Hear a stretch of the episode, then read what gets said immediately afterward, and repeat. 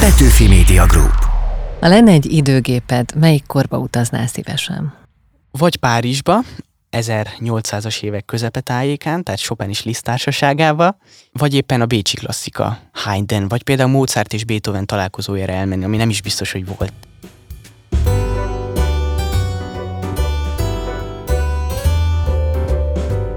Semmiben sem nyilvánul meg olyan világosan az emberek jelleme, mint a játékban, mondja Tolstoy egyik figurája a Feltámadás című regényében, és mi arra gondoltunk, hogy játszunk, ismert alkotókkal, előadó művészekkel.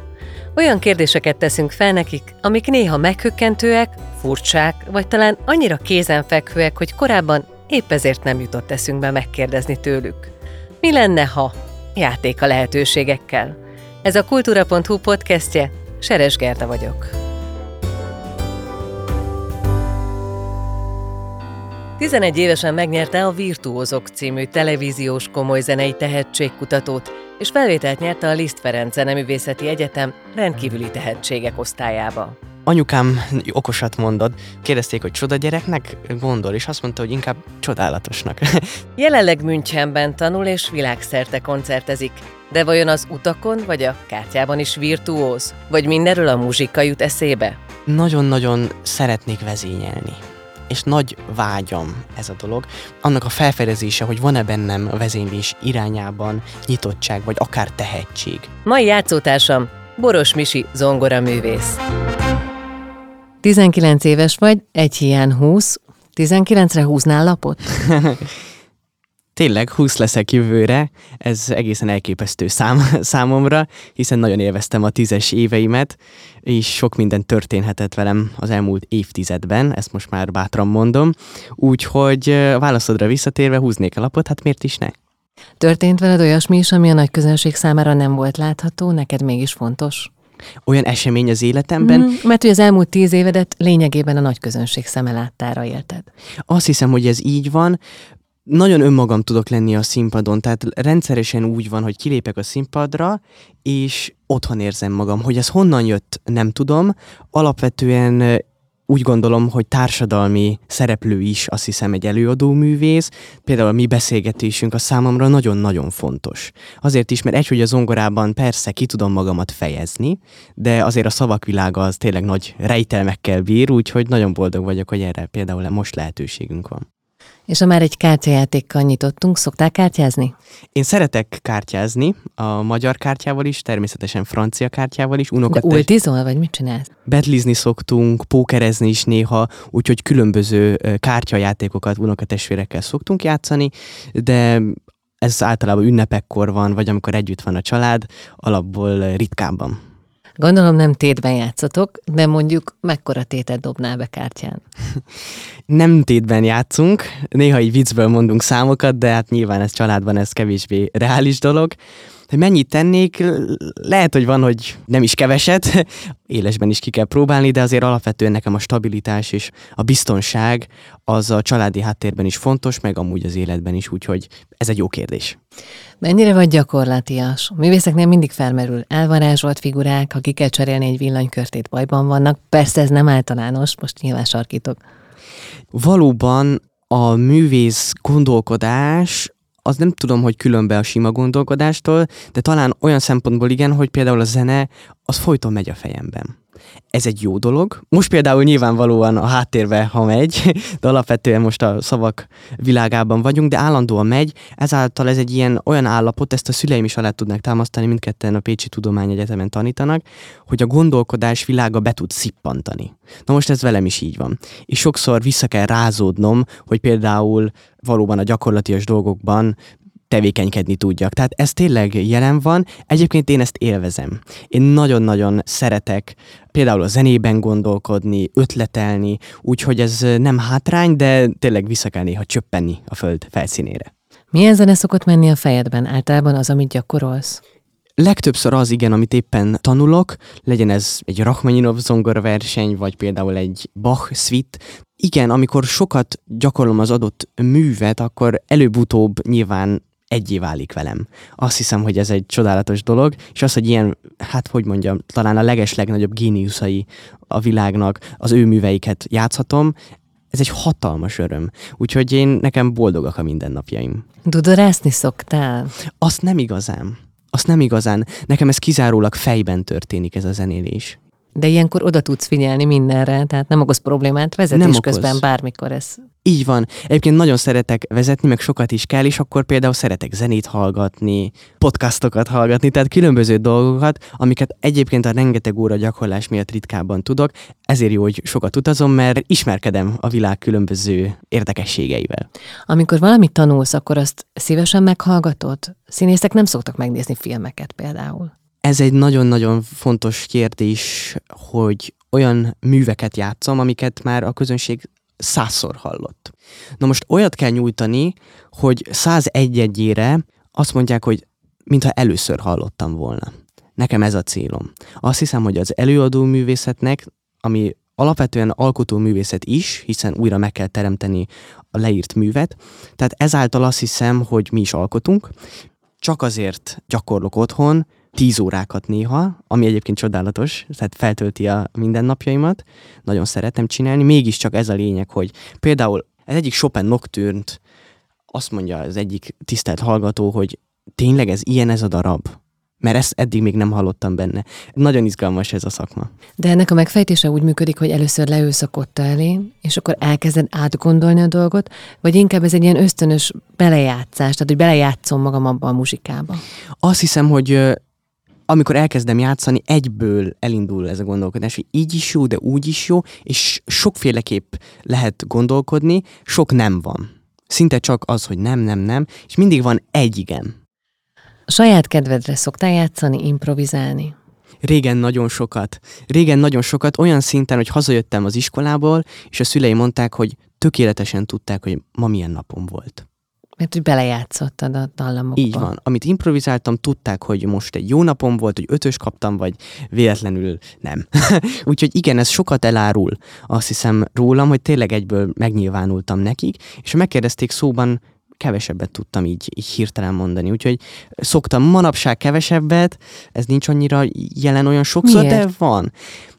Azt hiszem, hogy a remek művekben is kell improvizálni. Ez azt jelenti, hogy ahogy említettem a felfedezésben, benne van az, hogy nem megfogalmazom, hogy ezt írta Beethoven, hanem mégiscsak valami egyedit belevinni, ami nem a hangok megváltoztatása, vagy bármi egyéb, hanem ami hangjegyek mögött van. Gondolod, hogyha hangversenyen hallanálak, meg tudnám mondani, hogy éppen jó kedved van, vagy valamiért bánatos vagy? Hangversenyen azt hiszem, hogy nem annyira, mert az már egy különleges állapot, az már, mint a színészetben, például egy nagy áriát, nem tudom, egy Verdi operában, sír például a, a hölgy, és hatalmas tragédiát él meg, vagy Wagnerben mindegy is igazából, valójában ő nem sír, mert különben holnap is el kell énekelnie, meg lehet, hogy tegnap is énekelte, de mi viszont sírunk. Na most ez szerintem óriási.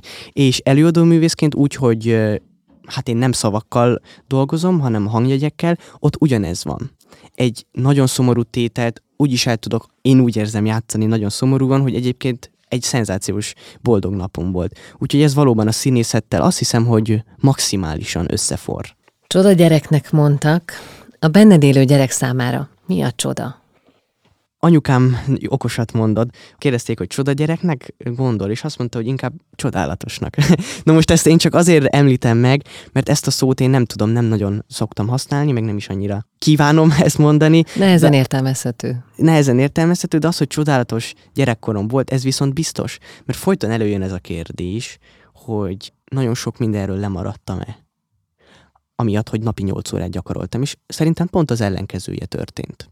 Mert annyira szeretem ezt a világot, hogy szomorú lettem volna, hogyha más csináltam volna. Így is volt időm focizni. Így is volt időm bármi egyebet csinálni a barátaimmal. De enélkül nem lettem volna teljes. Nem lettem volna én. A csoda gyerek az azt hiszem, hogy inkább a, a csodálatosság ez abban, hogy a zenében tényleg mondhattam valamit, akár a társaimnak az iskolában, aminek én nagyon-nagyon örültem, hogy nyitott és fantasztikus osztályaim lehettek. Mindig magadtól ültél oda, vagy volt, hogy nógatni kellett? Mindig magamtól.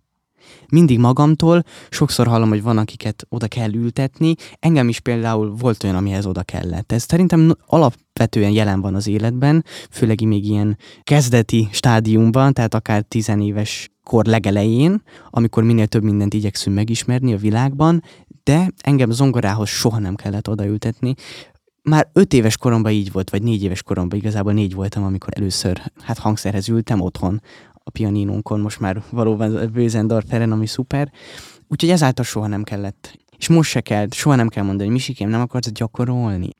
De ez egészen furcsa, amikor tulajdonképpen a hobbi, vagy a, az örömteli kettelés egybe csúszik a szakmával és a hivatással. Ez valóban szenvedély, én azt hiszem. Ez már nagyon régóta így van, de a zongorázás egy része a világomnak. Ezt nagyon-nagyon fel kell tölteni irodalommal, képzőművészettel, akár egy kirándulással. Úgyhogy a zongorázás az nem abból áll, hogy 8 órát beülök egy 8 négyzetméteres szobába, és akkor én ott játszom. Üres lesz, nem lesz annyi tartalom, és ezt én tapasztalom is a világban is, hogy erre nagyon nagy szükség van, egy kiállítás megnézni. Hát ugyanazt keressük, és így lesz változatos és gazdag az én játékom is, úgyhogy művésznek lenni jó. Mi lenne, ha hónapokig nem ülhetnél zongorához? Egész biztosan nem bírnám ki, ugyanis pár nap után már nem azt mondom, hogy elvonási tüneteim vannak, de kívánom, szeretnék eh, játszani, úgy darabokat tanulni, vagy akár néha régebbit is visszanyúlni egy pár évvel ezelőtt tanult műhöz. Ez kell nekem. És ezért a nyaralásnál is így van, hogy akár a Balatonon vagyunk, a szomszéd településen van egy fantasztikus hely, tudok gyakorolni egy művészeti házban, vagy Erdélyben is tudok menni gyakorolni. Úgyhogy amerre járok, családnál kell a hangszer, nem azért, mert muszáj, mert éppenséggel pár hetet is ki lehetne hagyni, de én nem szoktam, mert egyébként így érzem magam jól. Mint mondtad, négy éves korodtól zongorázol, de mikortól vetted komolyan a játékot?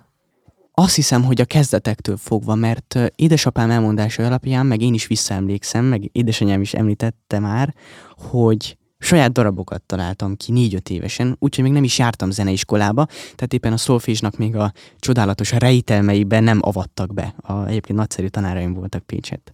Ezáltal szerintem az, hogy komolyan vettem, ez picikorban órák hosszan próbálgattam egy tercet, kvártot, tehát különböző dolgokat próbálgattam, hogy hogyan szól együtt, más hangnemekben, együtt, mi a diszonancia, az, hogy nem szól jól például egy kis szekund. Tehát ezeknek a megismerése, akkor még nem is tudtam, mi az a kis szekund akkor nem is volt még rá nyilván szükség, hogy tudjam, mert még próbálgattam, de már akkor nem azt mondom, hogy nagyon komoly műveket írtam, de meg volt bennem a vágy, és hallgatható alkotások születtek.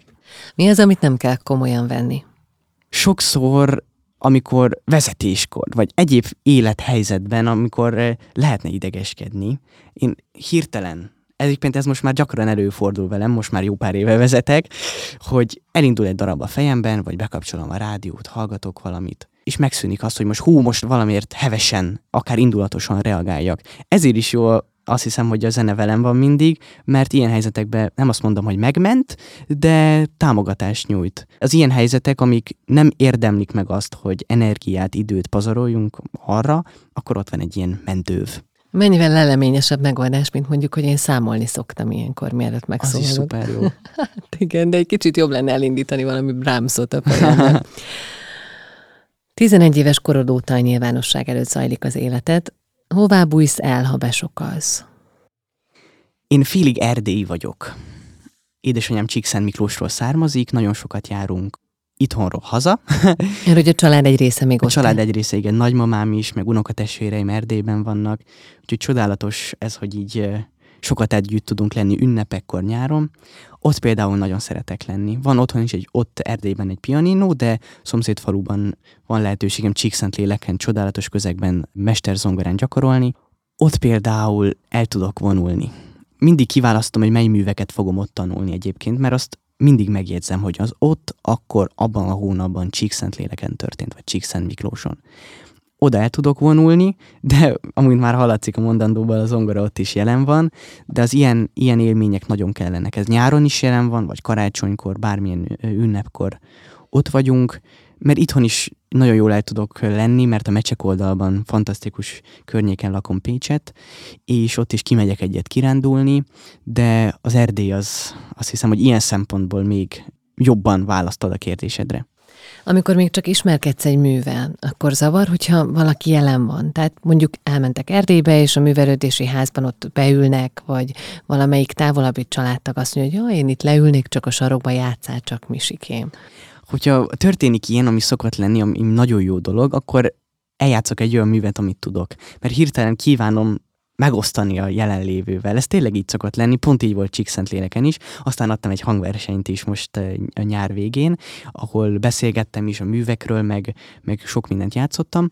Úgyhogy az, hogy gyakorlást hallgatni, az másoknak sem annyira biztos, hogy élvezetes, mert van, hogy egy-egy sort órákon át kell elemezni, próbálgatni, gyakorolni, úgyhogy ezért eh, akkor igyekszem, hogyha valaki jön, valami olyan művet játszani, amiben már teljes mértékben úgy érzem, legalábbis én úgy érzem, hogy önmagam vagyok. Mind nevettél legutóbb? Mind nevettem legutóbb? Egyébként pont most hallottam, hogy a nevetés mennyire elképesztő módon egészséges most a napokban erről. Képzeld, vannak hahóta klubok, ami egészen döbentes, azért járnak össze, hogy együtt nevessenek, és vannak erre technikák. Ez elképesztően jól hangzik. Valóban a nevetés, az most valami kutatásról hallottam egy prezentációt, hogy mennyire jó dolog. Én azt hiszem, hogy a humorom nem olyan rossz, sok mindenen szoktam, egy jó vicc mindig jól esik. És szerencsére sok jó ismerősöm van, aki szereti ezeket. Úgyhogy én ott csak hallgatom a viccüket, és a végén pedig hát értékelem egy nevetéssel. Szoktál vicceket mesélni is? Mesélni ritkábban, de például egy spontán helyzetből is tudok néha egy viccet eh, csinálni. Most tegnap volt egy ilyen eh, találkozó, hogy így eh, összejöttünk különböző művészeti ágakban működő, meg más területeken működő fiatalok, egy ilyen rendezvény volt. Mondták, hogy mindenki hozza például, megmutassa, hogy ő mivel foglalkozik. És akkor kérdezték, hogy hol a zongora. Hát mondom, itt van lent, hát kamionnal hoztam. És volt, aki teljesen komolyan vette, mert hát a zongorát úgy szállítjuk. És le is néztek az útra, egy ilyen teraszon voltunk, hogy tényleg itt van, mondom, ne haragudj, de abszolút nincs. Szóval nincs a zongora, akkor mit mutatsz? Mivel foglalkozol? Hát igen, ez, ez valóban jó. Az internet csodákra képes, mert valóban sok minden elérhető, úgyhogy akkor megmondom, hogy ha nem is most, mert most beszélgetünk például velük, akkor majd esetleg hallgassanak bele valamibe. Igen, kicsit könnyebb egy gitárral, azt felkapja az ember. Úgy képzelem, hogy kamaszként csajozni is könnyebb egy gitárral, mint egy zongorával. Könnyebb, így van, így van. Nézel meccseket? Igen. Édesapámmal a bajnokok ligáját szeretjük nézni, magyar válogatottnak lelkesen szurkolok, úgyhogy én Bayern München rajongó vagyok pici korom óta, és Münchenben is sokat vagyok, úgyhogy a meccsekre is volt, hogy már kiártam, meg szeretnék is. Úgyhogy a, a foci az kikapcsolódás, de egyéb sportok is egyébként, meg játszom is. A sport kell az életben, én azt hiszem. Mit játszol? Úsztam nagyon sokáig, jégkorongoztam még hát sport szempontjából fénykoromban. Ilyen törékeny termettel. Ez furcsa, nem? Vagy Igen, és durva sport érdekes módon mindig belementem az ütközetekbe, amiket a sport megkíván, tehát van, hogy a korongér meg kell küzdeni. Az életben is van, hogy meg kell küzdeni bizonyos dolgokért. Én azt ott megtanultam. Testvérem kicsit óvatosabb volt, mindig, ő természettudományos területen van, úgyhogy nem is véletlenül, ő megfontoltabb volt, én azért belementem, de én ott is nagyon élveztem a kihívásokat sport közben, illetve teniszezni is szerettem, focizni nem egyesületben, csak az iskolában, úgyhogy a sport mindig is velem volt, és most is néha szoktam, meg sokat kirándulok, sétálok, mert legyen izgalmas és sokszínű az életünk, én azt hiszem. Egyedül vagy társaságban? Sokszor egyedül van, hogy családdal például, mert Münchenben sokat egyedül vagyok, vagy néha barátokkal ott sokszor az Englisher Gardenbe, az angol kertbe kimegyek, de otthon a meccsekbe például szüleimmel mindig egyedül, ritkábban, vagy testvéremmel, ha itthon van éppen, mert Angliában él. Úgyhogy különböző formációkban szoktunk sétálni. Nekem igazából a családi együttlét az mindig jó. De téged nem zavar az egyedüllét, tehát nem érzed magad elárvultnak egyedül? Nem, pedig ugye szokták mondani, hogy zongoristaként egyedül vagyunk, és ez bizonyos szempontból így van, mert egy hegedű művész vagy cselló művész mellé tudnak egyedül is természetesen, de sokszor az repertoár úgy van felépítve, hogy zongoristával kell. Úgyhogy ezáltal nekünk meg nincs így, mi egyedül vagyunk nagyon sokszor, mégsem mondanám, hogy egyedül érzem magam. Egyszerűen ez nincs így jelen. Ha menzán egyedül megyek például Münchenben enni, mert például látom, hogy a jogi karról vagy más karról nagy csapatokba jönnek, akkor nem azt mondom, hogy rosszul esik, de mégiscsak így rádöbbenek, így egy másodperc alatt, hogy tényleg nekem ez egyedül van, de egyből utána visszatérek a valóságba, és megyek vissza az egyetemre, ahol a folyosón összefutok barátokkal. Úgyhogy nem érzem magam egyáltalán egyedül. De nem vagy az a típus, aki könyvvel a kezében járkál. Nem, nem, nem, nem, nem. Nem, abszolút nem. Mercedes vagy BMW? Abszolút BMW Azért is, mert nagy megtiszteltetés számomra, hogy vezethetek egy csodálatos autót. Szép felirat is van az oldalán, úgyhogy igyekszem nagyon illedelmesen vezetni, mert van, hogy megfigyelik, hogy hú, virtuózitás útján, ez van az autóm oldalán, akkor, akkor azért lehet, hogy néha összekapcsolják a, az én személyemet ezzel, úgyhogy... De, de az utakon is. nem vagy virtuóz, vagy nem, nem ez a nagyon, lényeg. Nem nagyon, nem nagyon, úgyhogy ezáltal BMW a válaszom. Azt hittem, hogy Hamilton miatt itt a Mercedes is egy kicsit befigyelhet, de tévedtem, úgy tűnik. Form 1 igen, nagyon régen még a Form 1-es nagydíj elején játszottam a himnusz, Tavaros Eszter operaénekesnővel, és akkor utána volt szerencsém, mert az egyik Mercedes csapatban dolgozó ember mondta, hogy te zongoráztál. Igen, mondtam igen, és hogy mit csinálok ott a pedokban. És mondtam, hogy hát várok Lewis Hamiltonra. És akkor mondta, ja, hogy most ott, ott akkor oda visz, és egy, legalább egy negyed órát beszélgettünk, ő így zongorázik, mondta, hogy legyek a tanára. Úgyhogy hát azóta nem találkoztunk, nyilván külön irányba vitt minket az élet, de ez egy nagy élmény volt, és szeretem a Forma 1 is. Mi lenne, ha zenét költhetnénk az űrbe? Milyen darabot választanál? Hú, nagyon jó. Az űr, a kozmosz témája jelen van. Nekem nagy megtiszteltetés, szoros kapcsolatot ápolhatok Ötvös Péter zeneszerzővel, aki foglalkoztatja ez a téma is, hát zseniálisabbnál zseniálisabb műveket ír erről a tematikáról. Engem is izgat, és lenyűgöz az, hogy milyen az a világ, amiben lehetünk. De nincs csillagásztávcsöved, nem szoktál ilyesmivel foglalkozni? Nincs, de a régi gyermekkori legjobb barátomnak, Marcinak van, úgyhogy volt, hogy már megmutatta nekem az űr és a, hát a, a távcsőnek is a rejtelmeit, mert azért mégiscsak arra nagy szükség van, hogy akár a holdat megcsodálhassuk, utána szerintem én is máshogy játszom a Claire-től Ündöbüszitől. Ki lenne, ha valakivel négy kezest játszhatnál?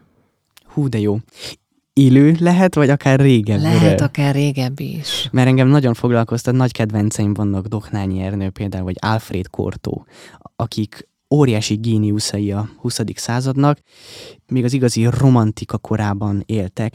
Egy négykezes például Alfred Kortóval, az nagyon jó lesne, de őszintén szóval csodálatos partnereim vannak, akikkel együtt játszhatok, tehát alapvetően ez, ez nekem egy, nem egy vágy, mert olyan művészekkel játszhatok, akikre felnézek. Úgyhogy ez, ez jelen van, de alapvetően azért Kortó vagy Doknányinak egy, egy élő játék, vagy akár közösen azért az maradandó élmény lenne nagyon. Ha lenne egy időgéped, melyik korba utaznál szívesen? Vagy Párizsba, 1800-as évek közepetájékán, tehát Chopin is Liszt társaságával, figyelni, tanulni tőlük, vagy éppen a Bécsi klasszika, Haydn, vagy például Mozart és Beethoven találkozójára elmenni, ami nem is biztos, hogy volt. De lehet, hogy volt. Ez a nagy kérdés. Ez egyik nagy kérdés. Lehetne csekkolni, hogy tényleg így volt. Én szívesen jelen lennék, úgyhogy ilyen korokban azért elelnézegetnék. Hogyha meghívhatnál valakit bármelyik korból, egy kávéra, borra, nem tudom mire. Kávé, de mivel boros misi vagyok, ezért a bort se hanyagoljuk el. Ki lenne az? Nagyon izgalmas, és most rávágnék valamit, de előtte egy mondatot engedj meg, hogy mondjak, azért mert nem tudom sokszor, hogy például Mozart vagy Beethoven, hogy a való életben is olyanok voltak-e, mint a zenéjük mert például Beethovenről mondják, hogy nem mindig volt olyan jó indulatú másokkal. Nem tudom, hogy segítene egy találkozó. Az, hogy tanulni persze, de egy baráti beszélgetés, vagy Johannes Brahms is ilyen volt, hogy kicsit néha szurkálósdi volt, hogy való életben, amint tőlem nagyon távol áll, nekem inkább a Mozarti világ, ami így tükröződik. Szerintem a zenében az ő valóban ilyen lehetett. Ezért lehet, hogy Mozarttal azért szívesen meginnék egy, egy kávét, ha már itt tartunk, de Pirinszki János nagy kedvenc költőm, akivel hát nem volt nyilván lehetőségem találkozni, de nagyon-nagyon tisztelem és szeretem a művészetét. Egyébként neki Schubert volt a kedvence, úgyhogy akár Schuberthez is kanyarodhatnánk. Úgyhogy nehéz lenne egy valakit választani, de talán Mozartot említeni. Fontosak számodra a versek, és egyébként véletlen, hogy a költészet napján születtél. Mitől ragad magával egy vers? Sokszor van olyan vers, amit nem értek. És szerintem az irodalom tudósok egy része sem a szakmabeliek egy része sem, azért sem, mert a zene van jelen. Tehát a beszéd, mint zene, a ritmika, az nagyon magával tud ragadni. Például egy Pilinszki versben, amikor olyan mondatai vannak, hogy abszolút nem tudom, hogy mit szeretne ezzel közölni, de elképesztően tetszik Azért, mert nem értem. De akkor ilyenkor addig kutatsz, amíg fel nem tárod, hogy mi lehet mögötte? Igen, és néha az, hogy meg se találom, az is egy óriási élmény. Ez a filozófiával ugyanígy van, mert édesapám filozófiát tanít. Hogy végső soron olvasok egy szöveget, és nem értem még a fogalmakat sem sokszor, aztán nyilván csodálatos, hogy van lehetősége megkérdezni tőle, hogy mit jelent, és egyszerűen tetszik az, hogy egyből elindul a gondolkodás, hogy vajon mi lehet, vajon mi lehet. És nekem például egy Pilinszki vers, ezt valamit aztán rájövök pár év múlva, hogy tényleg, ez ezt jelenti. Nekem. És nyilván másnak meg mást. De amikor konkrét tartalom van, amikor például szoktam mondani a 20. század botrányairól beszél, akkor azt egy 21. századiként nagyon élethűen át tudja adni, akkor például az egészen megdöbbentő hatással van rám, ahogy a 20. század szörnyűségeiről beszél. Úgyhogy különböző módon érintenek meg, nyilván más költőknél is, úgyhogy erre nem, nincs egy konkrét válaszom, inkább ez egy összetettebb kérdés. Érdekes, amit mondasz, hogy nem zavar, hogyha valamit nem értesz, úgy is tudhatni. Egyszer egy rendező ismerősömnek panaszkodtam az előadását látva, hogy én ezt nem értem, meg azt nem értem, és akkor rám nézett, és azt kérdezte, hogy de érzed?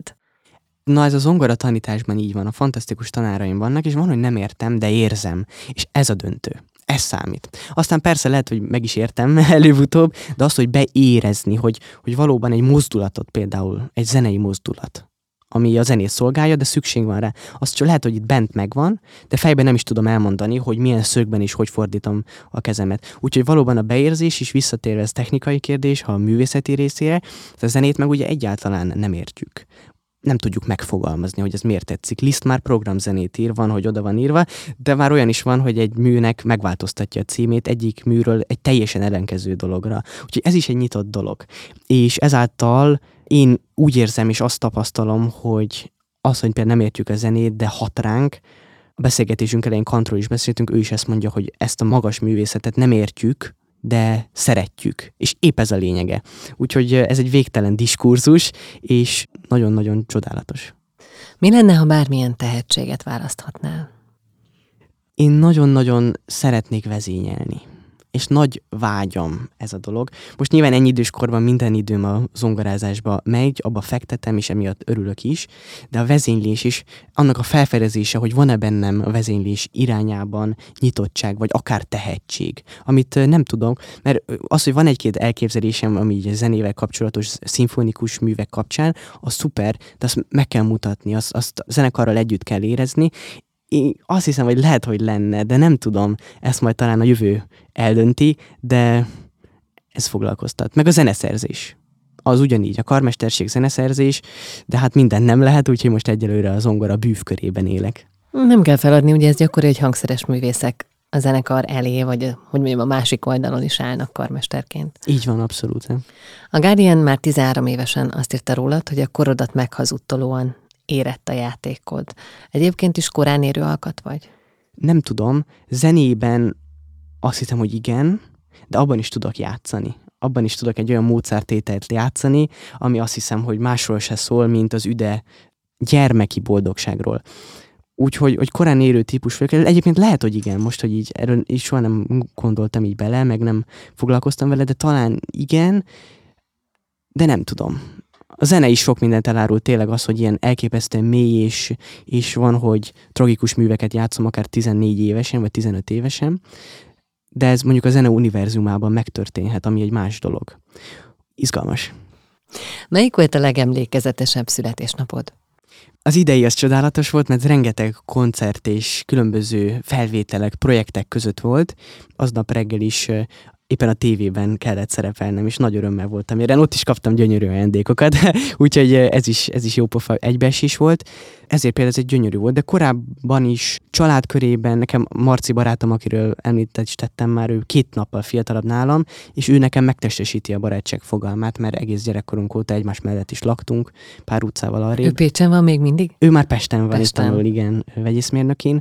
Mostanában itt találkozunk egészen sokat, a koncertjeimre is jön, ami nagyon jó érzés. Igen, ez, ez nagyon fontos egyébként a barátság. Mi volt a legemlékezetesebb ajándék, amit adtál? Most az első, amit mondanék, az zenével kapcsolatos. Éppen Csíkszent lélekhez kötődik. Oda megyek a faluba, például egy műpa fellépés után, és ugyanolyan koncentrált, felkészült állapotban eljátszok egy, egy Chopin művet például, és elképesztő megdöbbenés az nekem, hogy milyen szeretettel és milyen lelkesedéssel fogadják, úgyhogy sajnos lehet, hogy nem is volt még klasszikus zenei koncert előtte ott. Na ezek az élmények nekem, ezek, hogy tudok adni, és azt hiszem, hogy amikor színpadon vagyok, akkor az művészet az azt hiszem picit nekem való, mert a közlés, a zene által az abban otthon érzem magam, na ez az ajándék, ez nagyon. Tárgyi ajándékokra nem is szoktam nagy hangsúlyt fektetni. Mikor ért a legnagyobb meglepetés? Az mindig egy óriási öröm, amikor eh, találkozom például egy fantasztikus művésszel, és szinte mindent tud rólam ez egy nagyon-nagyon-nagyon jó érzés. Azért, mert a klasszikus zenében viszonylag fiatalon jelen lenni, és egyébként sok fiatalnak megmutatni ennek a gyönyörét, ennek a szépségét, hogy bizony járjunk el meghallgatni egy Mozart szimfóniát, vagy éppenségen egy Bartók művet, vagy akármit. Erre szükségünk van. És ez nekem nagyon-nagyon jó, és amikor tényleg egy, egy, egy zseniális művész, éppen ez egy zenei élményem volt, oda mentem így félően így köszönni, meg kicsit beszélgetni, és kiderült, hogy abszolút tisztában volt még a felvételeimmel is. Ez nagyon jó érzés, mert nyilván akkor elindul egy diskurzus, és én nagyon szeretek tanulni egy ilyen beszélgetésből. Egyébként Pablo Casals azt mondta, aki 91 évesen, tehát az én életkoromat megfordítjuk, a számokat ugyanott vagyunk, hogy miért gyakorol még mindig, mert minden nap újat tanulok. Ez egy olyan filozófia, egy olyan mentalitás, ami nagyon-nagyon-nagyon remélem, ha úgy alakul az életem, hogy nekem is ez megmarad minél tovább. Honnan látszik rajtad, ha unatkozol? Ha unatkozom? Nagyon jó kérdés, mert azt nem tudom, hogy hogy kell. Sosem? Sosem. Komolyan? Soha. De nem láttam még rossz színházi előadást, vagy ilyesmi? Valahogy nem, mert ahogy említettem, már megy a gondolkodás. És ez egy olyan nagy kincs, hogy az van nekünk. Egyből elindul a, a gépezet. Ja, és akkor történetek mennek a fejedben, vagy zene, ami egészen más. Egyből, igen. És, és néha el is tudok kalandozni sajnos sok esetben emiatt, de hát ez nagyon jó mentő is. Mi az a dolog, amit kipróbálnál, de egyelőre tartasz tőle? Ami jó, hogy már zenében egyre ritkábban van ilyen. Nem is a technikai kérdés miatt, mert ha az ember sokat gyakorol, akkor szinte minden elérhető, de alapvetően a, egy világnak a megismerése, egy, egy, egy zenei világnak a megismerése. Például nekem Brahms ilyen volt sokáig, hogy kicsit féltem, mert én nagyon más egyéniség vagyok, mint sokszor azt gondolnám. És nem azt mondom, hogy féltem, de úgy távolságtartó voltam. És most játszottam több művét, és szinte még semmit nem élveztem ennyire. Hogy nem úgy mondom, hogy automatikusan, hogy meg kell küzdenem érte. És ez azt eredményezi, hogy még jobban fogom szeretni. Ez nagyon érdekes, én ezt tapasztaltam. Tehát ilyen félelmeim, ha való életben vannak, egyébként ejtőernyőznék, hogyha kérdezem, mi az, amit kipróbálnék, hát ejtőernyőzni nagyon szívesen a, a szabadság, a repülést bizony megérezni, de mondjuk zenészként azt hiszem, hogy arra van lehetőségem, hogy zseniális alkotás játszása közben is. A Mi lenne, ha podcast sorozat eheti vendége Boros Misi zongora művész volt. A következő játszótársam Lakatos Mónika énekesnő lesz. A podcast elkészítésében segítségemre volt Péceli Dóri, Csali Anna Mária, Szemők Bálint, Rédl Ádám és Horváth Gergely. A korábbi epizódokat más érdekes tartalmakkal együtt megtaláljátok a Magyar Kultúra Podcast csatornáján. Köszönöm a figyelmeteket, várlak benneteket a jövő héten is.